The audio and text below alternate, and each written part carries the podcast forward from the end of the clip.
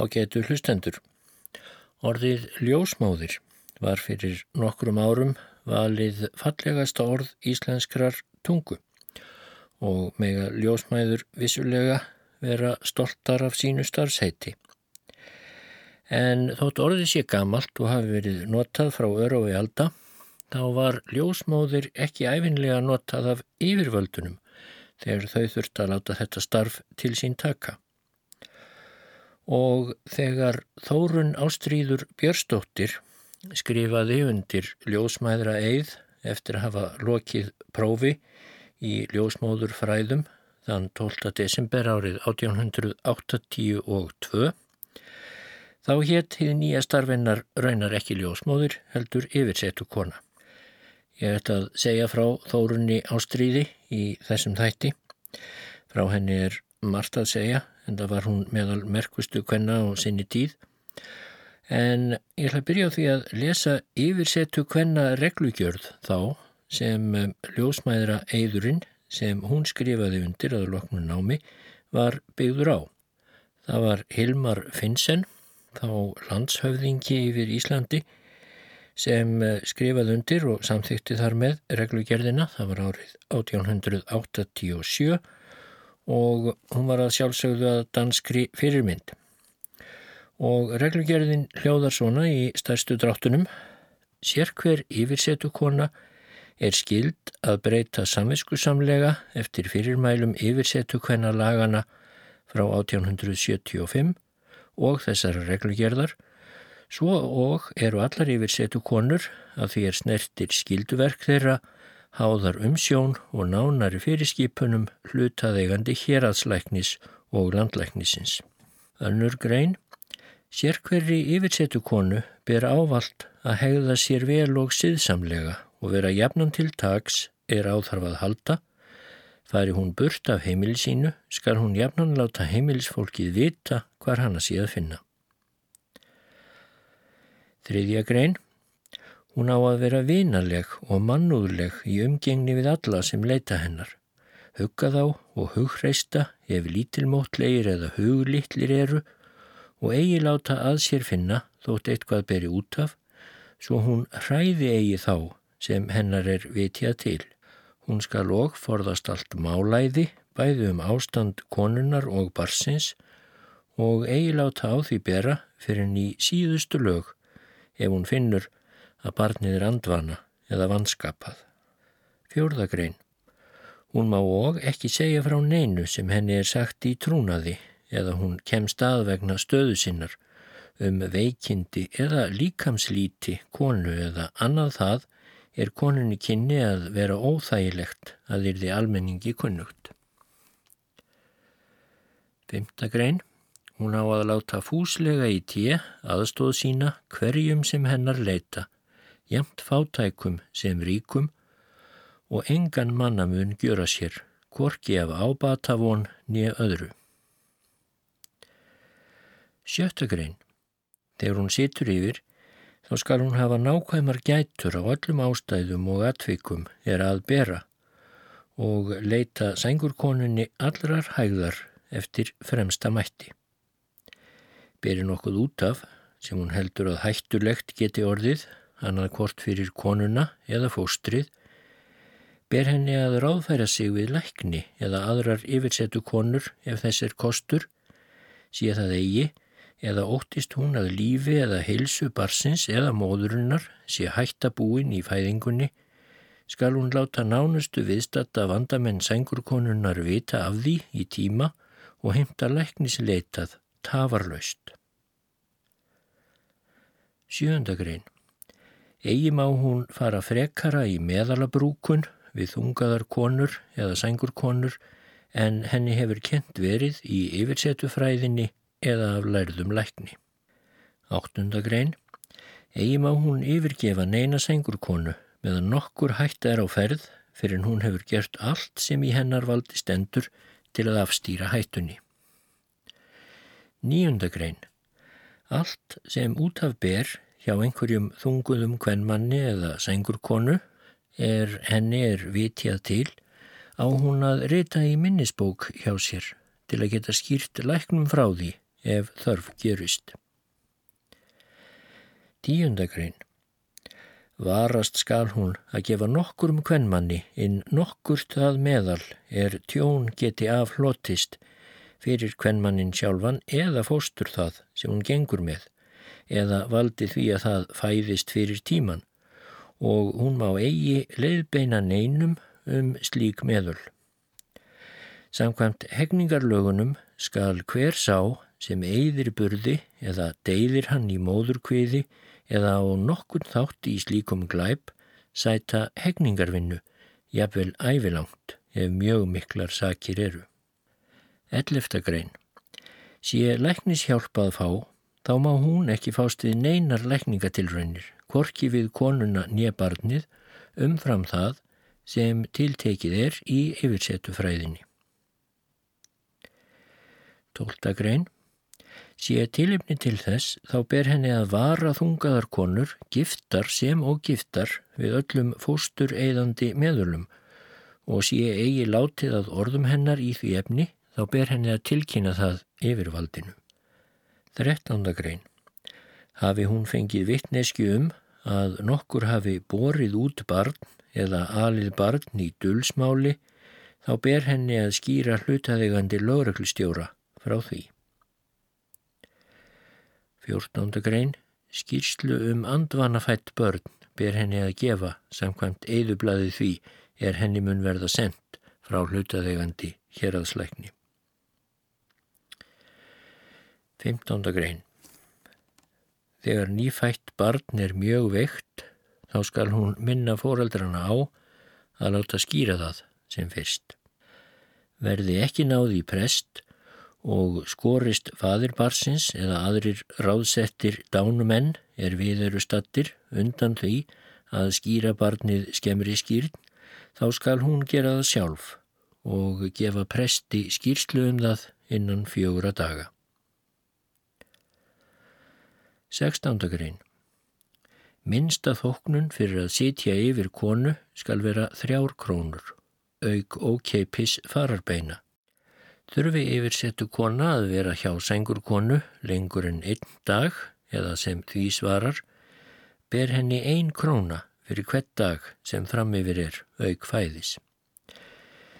Fyrir að eh, setja stólpípu, taka blóð og svo framvegis ber yfirsettu konunni 25 öyrar í hvert skipti. Þykki sengur konan af sveit eða sé svo fátæk að hún get ekki borgað yfir setu konunni, þá er sveitin skild að greiða henni, auk fararbeina, þryggja krónu þóknun.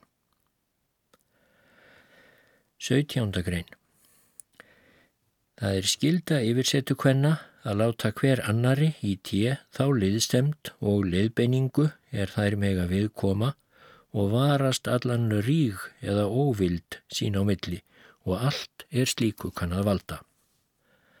Átjándagrein Egi má yfirsetu kona vinna megin vannsköpuðum burði er hún tekur við. Hversu fjarrri sem barnið er réttu sköpulagi heldur skal hún kosta kapsum að halda lífi í slíku afkvæmi unst til læknis næst. Rita skal hún nákvæma skýrslu um vannskapnaðin og senda lækni.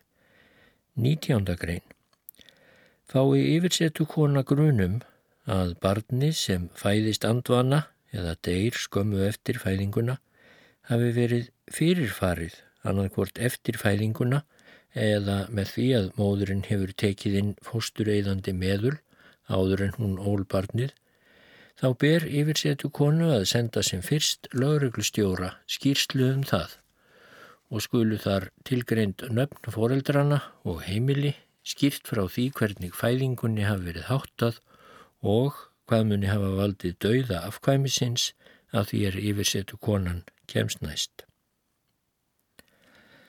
20. grein Áhöld þau sem fylgja síslu yfirsetu konu er hún skild að varðveita á sem bestan og hendugastan hátt og ber henni að fara nákvæmlega eftir því sem hér að slæknirinn segir henni í því efni. 21. grein Verði yfirsetu kona þess vör að einhver sérstök óhotlusta eða óþryfnaður sem skadvæn getur álitist fyrir líf og heilsumanna eigi sér stað einhver staðar í umdæmi hennar, þá skal hún skild að skýra hér aðslækni frá því og vara fólk við hinnum skadlegu áhrifum er slíkt getur haft á heilsu þess. 20. önnur og síðasta grein Brjóti nokkur yfirsetu kona gegn þessari reglugjörð skal hún sæta sektum nema þingri hegning liggi við afbróti hennar að lögum. Verði hún sekað nýju og eru miklar sakir til, engum ef hún oftar en einu sinni hefur skorast undan að vitja sængurkonut hafar laust og að forfalla lausu, þá skal henni vikið frá síslu sinni.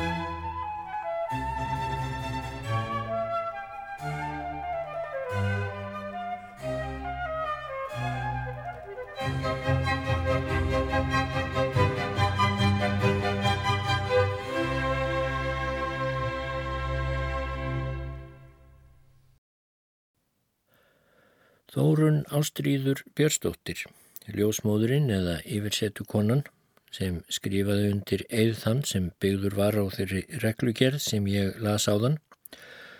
Hún fættist 30. desember árið 1859 að Vasshorni í Skorradal í Borgarfjörðarsíslu. Fóreldrar hennar voru Björn Bondi þar, Eyvindsson og kona hans Solveig Björnsdóttir. Þórun Ástríður skrifaði sent á æfisinni endurminningar og mun það hafa verið all stór bók. En því miður verðist hún vera glötuð. Að minnstakosti hefur mér ekki tekist að finna handritið og ég veit að fleiri en ég hafa verið á höttunum eftir því. Þannig að ef einhver staðar í skúmaskotum hlustenda leynast endurminningar Þórunar Ástríðar Björnstóttur, ljósmóður, eða yfirsettu konu, þá endilega látið mér vita. En meðal þeirra sem lásu endurminningarnar áður en þær týndust var Steindur Björnsson frá Gröf og hann notaði þær til að skrifa þátt um þórunni á stríði í safnritið Íslenskar ljósmæður sem kom út árið 1952 hjá kvöldvöku útgáfunni á Akureyri. Og það er úr þessum þætti hans sem ég ætla að lesa í þessum þætti.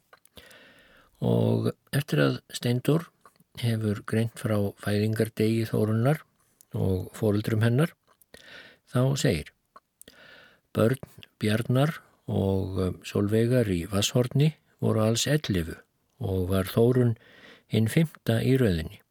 Þórun var þegar í bensku mjög blíðilind og gældi við allt sem var fagurt eða veikburða, blómin, lömpin og ungana á vorin, kálvana og fólöldin. En þetta gerði hún engum ef enginn sá til því hún var feimin og hlétrægað eðlisfari. Fyldi það henni alla tíð þótt öðruvísi kemi fram síðar. Um æfi þórunnar og störf er til ágætt heimildarritt sem er endurminningar hennar, all stort handritt og enn óprentað. Verður engum við það stöðst í þessari grein og oft vitnað orðrétt til þess sem þar er sagt. Og þetta eru sem sagt endurminningarnar sem ég var að auglýsa eftir og endilega kikið í gamla skápa ef þar geti linst handrit þórunnar ástríðar. En Steindór heldur áfram. Af endurminningum þessum er augljóst að hugur þórunnar hefur mjög snemma beinst að lindardómum fæðingarinnar. Hún var ekki gömul er hún tók að sækja á að vera viðstödd þar sem kýr eða ær voru að bera til að sjá með eigin augum hvernig fæðingin ætti sér stað. Eitt sinn heyrði hún talað um að kálf myndi ekki bera rétt að og hjálpa þyrti gúnni. Sótti hún þá fast að fá að fara í fjósið til þess að horfa á. Hlustaði hún gömgefilega á allt sem þar var sagt um hvernig kálfurinn lægi og hvernig honum er þið best hjálpað. Hvaðst hún hafa húgt þarna í móðbásnum og reynd að gera sér myndir af því úr ljámúsum sem hún týndi úr móðinu hvernig kálfur ætti að liggja ef hann bar réttað og aðra af því hvernig lega kálfsins var í þessu sérstaka tilfelli. Af þessu skildi ég mæta vel ástandið og myndi alla tíð hvernig þá var hjálpað, segir hún í endurminningunum. Þórun segir og að foreldra sínir hafa jefnan haft hann góða síð að láta ef svo stóð á grafa leigið með fóstri úr þeim skeppnum sem slátrað var. Ef lampfullir á þurfti að slátra að voru til, bauðst Þórun litla jafnan til að grafa lampslegið. En áður en ég letaði hóluna skoðaði ég vandlega inn í legið, bæði lampið og umbúðir þess, segir hún. Einhverju sinni var hún að þessu starfi en bráð þá mjög þegar hún heyrði sagt fyrir aftan sig Hvað ert að gera Þórun mín? Var þar komin fríða sýsterinnar en þær voru mjög samrimdar. Þórun sagði eins og var að hún ætlaði að grafa leið en hefði viljað skoða það fyrst. Sjáðu, þetta er svo líkt blómi á kvisti og það flýtur í hreinu vatni. En Holmfríður sýstirinnar var ekki móttækileg fyrir slíka hugsun, heldur sagði, býður þér ekki við þessu, flegðu því strax niður og mokaði yfir það. Þá svaraði Þórun með miklum sannfæringarkrafti, býður við þessu, Það held ég mér byði þá við flestu. Þegar Holmfríður ól sitt fyrsta barn þá mynd hún þórunni á þetta gamla samtal þeirra sýstrana. Þórun segir frá því að einhverju sinni á aðfangadagskvöld hafi henni verið fengið í hendur hver sem hétt Kristindómsbókin til þess að lesa í. Ég, telpan, fór fljótlega að fletta bókinni og sá þá að annað rít var bundið aftan við. Það var eftir Jón Torstensen landlækni. Var það heið fyrsta sem ég hafði séð eftir lækni og ég fór að lesa þarna í. Þá var ég svo létt og glöð og hrifin að mér fannst ég verða að þakka Guði þennan góða fund og jáfnframt fannst mér ég færast nær Guði en áður. Og þá dætt mér í hug bara að ég hef verið drengur, þá hefði ég máski getað orðið læknir. Þórun hvaðist oft hafa veldi fyrir sér á þessum árum í hvaða stellingum börnin myndu venjulega fæðast, hvort hendur myndu fylgja höfði líkt og framfætur gjörðu þegar ærnar báru. Komst hún að þeirri nýðurstöðu að svo myndi ekki vera heldur læju þær nýður með brjósthólinu. Ekki laungu síðar var Björn, móður bróðir Þórunnar, part úr vetri á Vasshorni. Hafði hann þá einhver tíma orð á því við Jórunni, sístur Þórunnar, að hún myndi vera gott yfirsetu konu efni því hún hefði svo nettar hendur. Og setna sendan henni bókum yfirsetu fræði. Þetta sárnaði Þórunni mjög og þótti gengið fram hjá sér. Þó gæt hún ekki stilt sig um að fá bókin að lána það hjá sýstur sinni og lasa hana í laumi, spjaldan á milli. Kvílík gleði, segir hún, hugur minn liftist til Guðs í hrifningu og þakklæti þegar ég sá þarna að ég hafði hugsað rétt að höfuðið kemi fyrst eitt og handleikirnir svo með brjóstinu. Um þetta leiti hefur það verið að Þórun kom að máli við móður sína og spurði hvort ekki væri auðveldara að hjálpa skeppnum ef menn hefur lært yfirsetu fræði. Þá brosti móðurinnar og sagði, jú, telpa mín, því það er dalti líkt hvað öðru, en þú mátt ekki hugsa um þetta fyrir en þú ert orðin myndarleg stúlka og búin að læra að þjóna þér. Þórun hefur sennilega ekki verið mikið gefin fyrir algeng kvennastörf og að því hafa nýið orð móður hennar. En nú fór ég að reyna að láta mér fara fram, segir hún, en sent gekk það með þjónustu bröðin. Á uppvakstar árum Þórunar í Vasshortni fór snemma svo að sístur hennar hjálpuðu engum til við störfin innan bæjar. En Þórun varð samrýmdar í bræðurum sínum sem voru litlu eldri en hún og fyldist meira með þeim bæði í leikjum og starfi. Hún tók með þeim þátt í smalamennskum, hestasokn, kúapössun og margskonar snúningum útifið. Hún stökk á staf eins og þeir, klifraði með þeim í kletta, efði sig í að taka upp þunga steina og svo framvegis. Við þetta auksu henni kraftar, kjarkur og dugnaður og kom þetta henni vel síðar í lífstarfi hennar. Vorið 1882 reyðist það að Þórun skildi fara til Reykjavíkur til náms hjá landlækni. Þá var hún rúmlega 22 ára að aldri. Hafði hún þá nokkru áður tekið í sig kjark og sagt föður sínum hversu mjög sig langaði til að helga sig ljósmóður starfinu. Fadur hennar tók vel þessari máluleitan og sagði að best væri að hver stundað það sem hann væri mest neyður fyrir. Hófstan síðan handa um að útvega henni meðmæli í síslu nefndar og lofórðum ljósmóður umdæmi að námi loknu. Síðan fór Þórun söður til ljósmóðurnáms. En svo illa vildi til að þetta sumar geisaði hinn mannskeiði mislingafaraldur í Reykjavík og raunar víðar um landið. Hvað svo ramt aðum fár þetta að einn daginn voru 13 menn jarðaðir í Reykjavík. Þrátt fyrir mikið kapp við námið og hörku við sjálfa sig meðan hún gata á fótum staðið var þórun að hætta náminu og fara heim en það hafði öll kjensla þá orðið að falla nýður af völdum veikinnar. Hafði hún áður tekið veikina og leigið um hríð en fór heim er hún var orðin svo hress að hún var ferðafær. Kennari Þórunar þetta vor 1882 var Tómas Hallgrímsson læknaskólakennari og var það síðasta vorið sem hann kendi ljósmaðurefnum. Þetta sumar kom doktor Jónas Jónassen heim eftir að hafa varið doktorsreitgerð við Kaupmannahafnar háskóla og tók hann við ljósmáðurkennslunni þá um höstið. Þórun settist á í ljósmaðuraskólan á ný til að ljúka náminu en brátt urðu þar kennaraskipti því Jónasen fekk ekki landlæknisembættið heldur Sýrbekk, danin okkur sem tók þá einnig við ljósmaðurakennslunni. Þótti þórunni þetta slæmskipti því Sýrbekk talaði þá ítla íslensku og var auk þess miður að sér í þessum fræðum en öðrum greinum læknisfræðinar. En hann vildi kenna vel og góður var hann okkur segir Þórun í minningum sínum. Prófi í ljósmóðurfræðum laug Þórun 12. desember 1882. Prófdómarar voru þau Tómas Læknir Hallgrímsson og Þorbjörg Sveinsdóttir, ljósmóður í Reykjavík.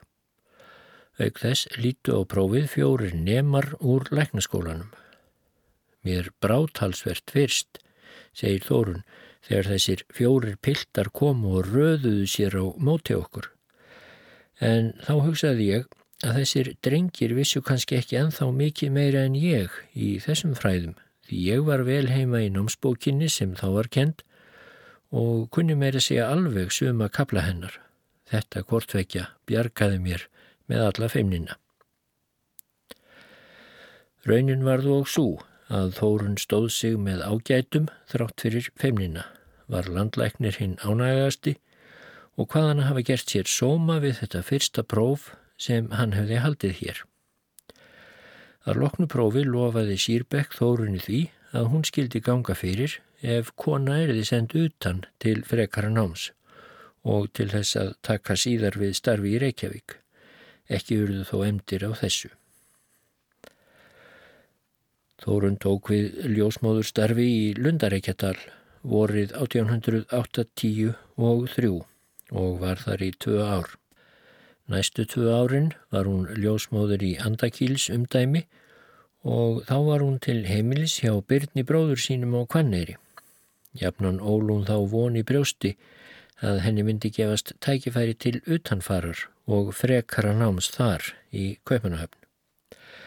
Mun svo von hafa valdið nokkru um það að hún sagði af sér störfum árið 1887 og fluttist til Reykjavíkur með bróður sínum sem þá hætti búskap á Kvanneyri þegar búnaðarskólinn þar var stopnaður. Dvaldi hún hjá byrni bróður sínum og fjölskyldu hans í Reykjavík næstu árin. Loks kom þó að því að draumur hennar rættist. Landshöfðingin sóttu um pláss fyrir hanna á fæðingarstopnuninni í Kveipmannahöfn. Mikið var ég spennt fyrir því að svarið er því jákvætt, segir Þórun. Til hamingju var það svo. Sigildi Þórun síðan til Kveipmannahafnar á eigin kostnað árið 1890 og laugprófi við fæðingarstofnunina 30. mæ 1891 með fyrstu engun. Kom hún heim um sumarið. Sótti hún til bæjarstjórnar Reykjavíkur um það að meg að setjast þar að sem starfandi ljósmóður og hún mæltist til þess að fá styrk sem svaraði hálfum ljósmóðurlaunum. Hún fekk algjöru neitun. Þá sótt hún um kjósarumdæmi en var sinjað. Settist hún þá að nýju að hjá Byrni bróður sínum. Það var ekki fyrir en sömarið 1895 að hún tók við ljósmóður starfið að nýju og þá austur í Þingvallasveit sem var eitt af allara fámennustu og tekju rýrustu ljósmóður umdæmum landsins en þar var hún í tvö ár. Á þessum tímum og raunar miklu lengur var ljósmóður starfi sveitum svo illa launað að engin leið var að lifa af því einvörðungu. Var því þórun á þessum árum að stunda jafnliða algenga vinnu, heiskap á sömrum en húsverk og þjónustu störf á vetrum. En jafnan reyndi hún að verja hendur sínar, svo þær getur verið mjúkar og mildar, móður og barni þegar tilþurfti að taka. Er ekki laust við að sumir hendu gaman að þessu og kalluðu tepruskap í fávisku sinni en hún létt það ekkert á sig fá. Svo gerðist það árið 1897 að Þórun fær þau tilmæli frá Guðmundi Björnsinni sem þá var héradslæknir í Reykjavík eða réttar sagt öllu svæðinu millir Bossári kvalfyrði og til Vassleysustrandar á Reykjanesi Tilmæli um það að Þórun flítist þá þegar til Reykjavíkur til að taka þar að sér ljósmóðurstörf því mig vantar hér myndarlega yfirsetu konu, sagðan. Hvaðst hann og vona að hún fengi þar brátt svo mikið að gera að hún gæti lífað sómasamlega af því. Þetta var til þess að Þórun fluttist til höfðustæðarins 27. júni 1897 settist hún að í lítilli stofukitru í tjarnarkötu fjögur og var húsalegan fjórar krónur á mánuði. Rúmstæði fekk hún lánað. Rúmfödd átt hún frá því hún fór úr föðurhúsum, svo og fatakistu og kistil. Lítinn skáp fekk hún hjá byrjni bróður sínum og vinafólk hennar gaf henni einn stól. Síðan sett hún svóljóðandi auglisingu í eitt Reykjavíkur bladana Þórun á Björnsdóttir yfirsetu kona á heima í tjarnargötu fjögur. Ekki var laust við að þetta tiltæki Þórunnar að gerast praktíserandi ljósmóður í höfðustafnum mætti nokkuri andúð. Jafnvel frá svo ágætri konu sem Þorbjörg ljósmóður Svinsdóttir var. Og fyrsta árið fekk hún mjög lítið að starfa. Var hún þá að vinna jafnliða að öðrum störfum. Meðal annars vann hún um skeið við þjónustubrögð á barnaheimili og fekk miðdeismat að launum, annað ekki. Og svo var aðinni sorfið að hún neittist til að selja spari peysuföttin sín til þess að geta lifað. En hún let korki hugfallast, nýja bugast og var jafnan vongóðum að úrmundi rættast. Og það varð, segir hún. Svo er Guði fyrir að þakka. Ég bað hann en ég kvartaði við engan. Um haustið flutti Þórun í kjallarakompu við Suðurgötu 10 og fekk hjá konu húsegandans mat að nokkru leiti fyrir ímsa hjálp. Þaðan flutt hún um aldamotinn í dágóða stofu í skólastræti 3 og skömmu síðar í næsta hús, skólastræti nr. 5 og bjóð þar upp á lofti. Um 1906 fekk hún sæmilega íbúð, tvær stofur og eldhús á bóklöðustíg 9, neðri hæðinni að vestanverðu en vorið 1915 fest hún kaupa á bóklöðu stíg 11, fluttið hangað og átti þar heima síðan. Árið 1902 var Þórun skipuð ljósmáður í Reykjavík og fór þá að vankast hennar hagur. Og árið 1912 varð hún fastur kennari við ljósmaðaraskólan og gengdi því starfi til 1930 þegar fæðingardeild landsbítalans tók til starfa. Ljósmóðurstarfi í Reykjavík held hún áfram til döðadags. Hefur sennilega engin ljósmóður á Íslandi tekið á móti jafnmörgum börnum og hún. En alls mun þau hafa orðið í hennar löngu ljósmóður tíð 4759. Eins og gefur að skilja hefur Þórun mörg kynst og margt reynd í sínu langa og umfangsmikla starfi. Sumt af því hefur hún skráð í endurminningabók sína en mörgu að sjálfsögðu sleft sem hún hefði heldur kosið að glimtist en gemdist. Hér er því miður ekki rúm til að rekja hinnar skráðu minningar þessarar mætu konu. Verður þar að láta næja að drepa lauslega á fáin atriði.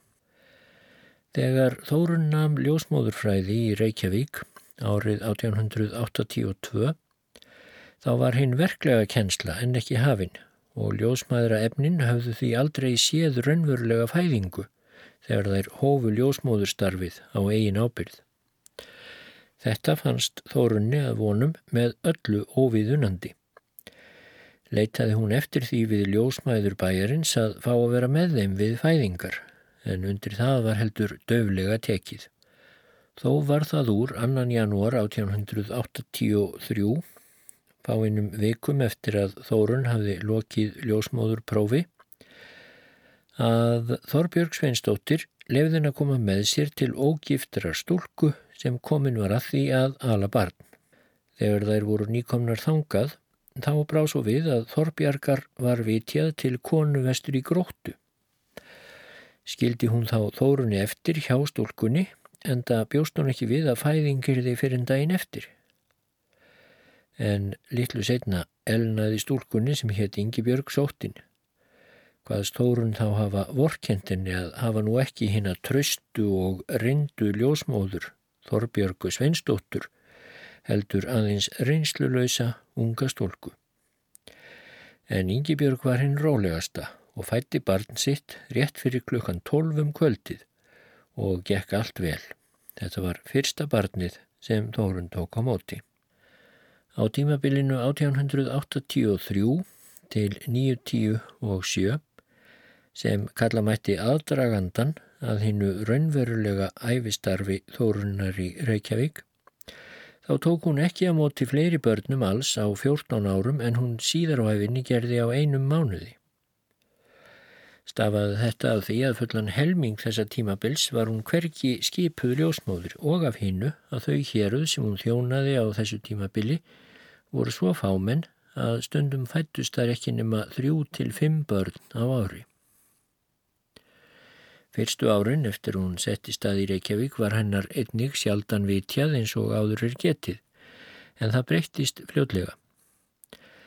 Má telja það enginlega tilviljun, ef ekki líka til þess eðlilegar orsakir og þórun í vil, að fyrsta konan sem hennar var vitjað til í Reykjavík hinn 28. júli 1897 var engin önnur en svo sama Ingibjörg sem hún hafi setið hjá og hjálpað fyrir rúmum 14 árum og hlotið þar sína fyrstu ljósmóður vikslu ef svo mætti segja.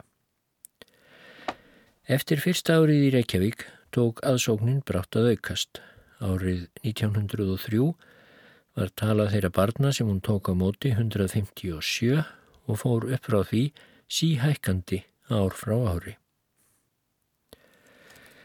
Árið 1904 nefnir Þórun tvíbura árið sitt. Tók hún þá á móti tvíburum átta sinnum. En ekki fættust þeir allir lifandi, bætur hún við. Árið 1918 en þá gekk spænska veikin um haustið tók hún alls á móti 177 börnum en var auk þess við fósturlát hjá allmörgum konum.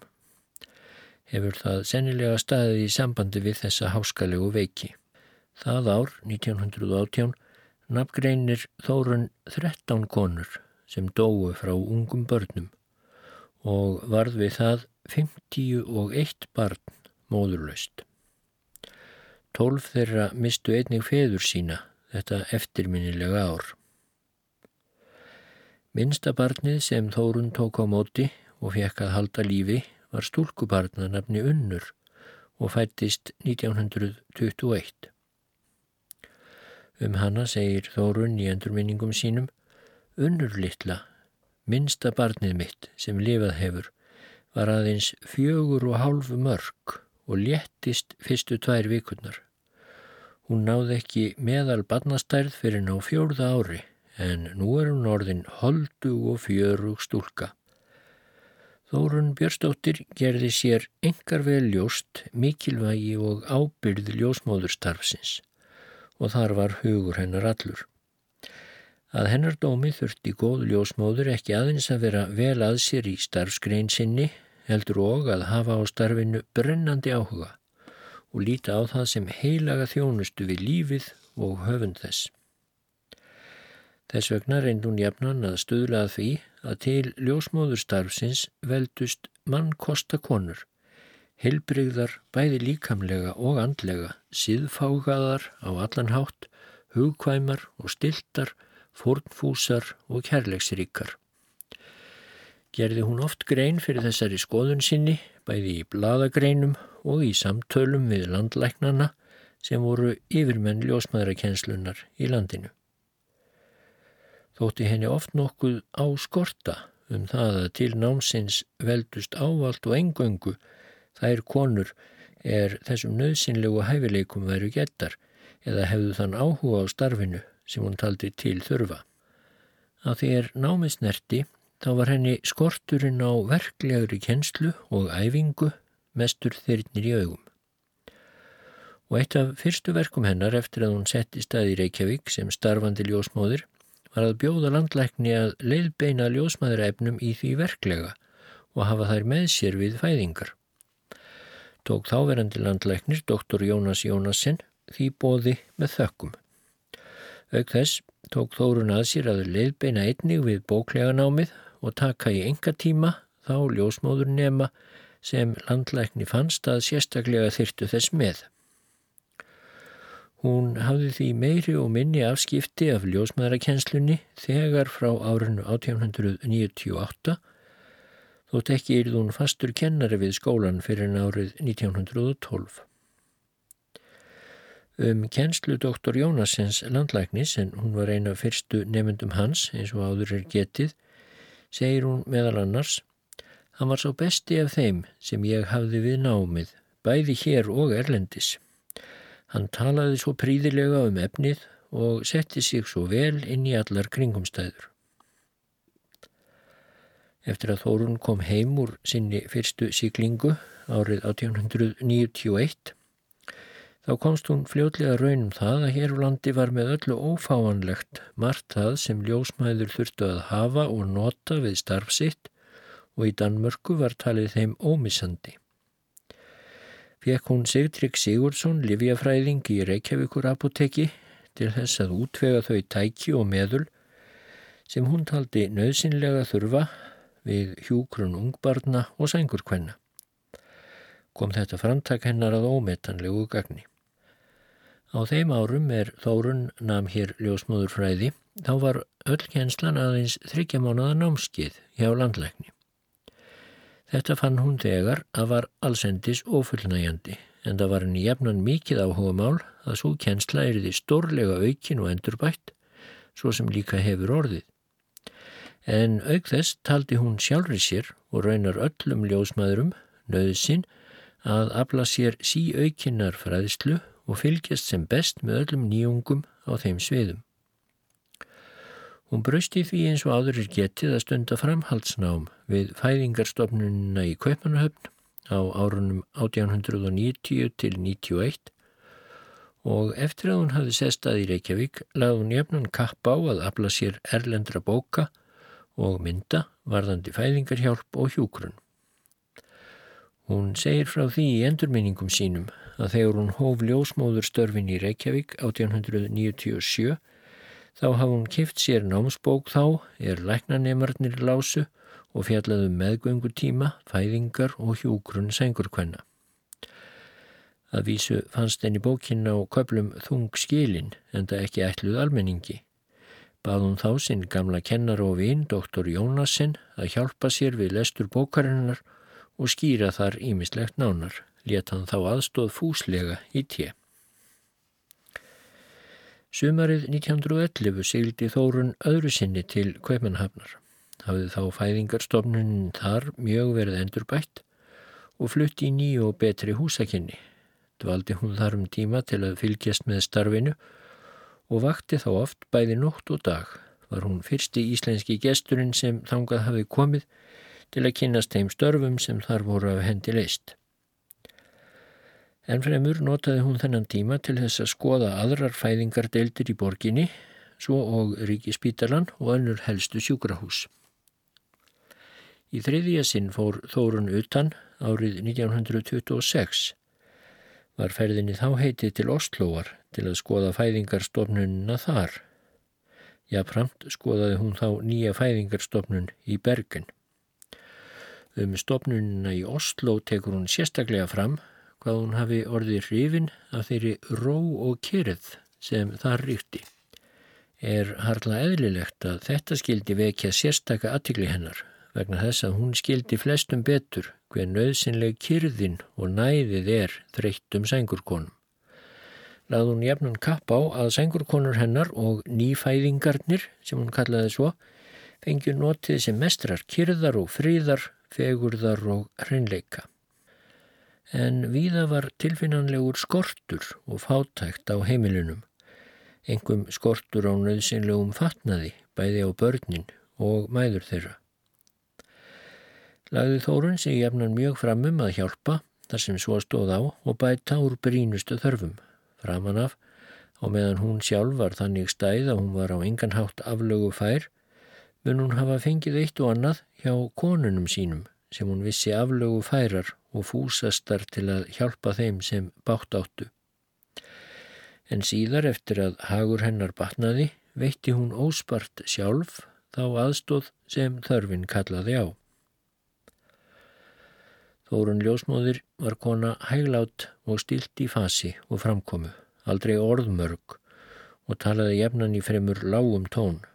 Þó gæt hún talað kjark í þær konur sem helst þurftu þess við og návist hennar vakti ósjálfrátt öryggi og tröst. Við smábörnin gæt hún oft talað og gælt innilega og hlýtt. Eins og að líkum lætur þá var þórunni síndur margvíslegur vottur sóma og virðingar fyrir störf sín. Það voru ekki aðeins konurnar hennar, eins og nefnir þær sem sagt, sem átt henni margt og mikið að þakka, heldur og nefnendur hennar og samstarfskonur en við margar þeirra hafði hún bundið órófa treyðir. Læknarnir kunnu og mæta vel að meta störfennar, þekkingu og reynslu. Konur heldu myndarlega upp á 50 samveli hennar og færðinni aukanar að gjafa skrautritað ávarp í ramma er 200 konur höfðu undirritað. Svipuð saga endur tók sig bæði á 60 og 70 samveli hennar. Hún var sæmtinn í íslensku fálkaorðu árið 1922. Ímis önnur tilefni voru og valinn til að votta henni virðingu og þökk síðast á 50 ára ljósmóður afmæli hennar 12. desember 1932. Um störf sín og hversu þau vel hefnuðust segir hún svo í endurminningunum Þetta er ein af Guðs náðargjöfum mér til handa og til Guðs bindi hún öllum sínum málum seint og snemma. Og vissulega var hún sjálf ein af Guðs náðargjöfum þeim til handa er fenguð að njóta hjálpar hennar og starfa á einnið annan hátt en þannig líkur Steindur Björnsson frá Gröf æfi þætti sínum um þórunni á stríði Björnstóttur ljósmóður. Og eins og ég sagði í byrjun þáttarins þá hafa endurminningar þórunnar því miður glatast. En hún gaf hins vegar út aðra bók sem kom út 1929 og heitir Nokkrar sjúkrasögur þar sem hún segir sögur af ferli sínum og sumar þeirra ansi magnaðar og ég ætla að fletta þeirri bók í næsta þætti.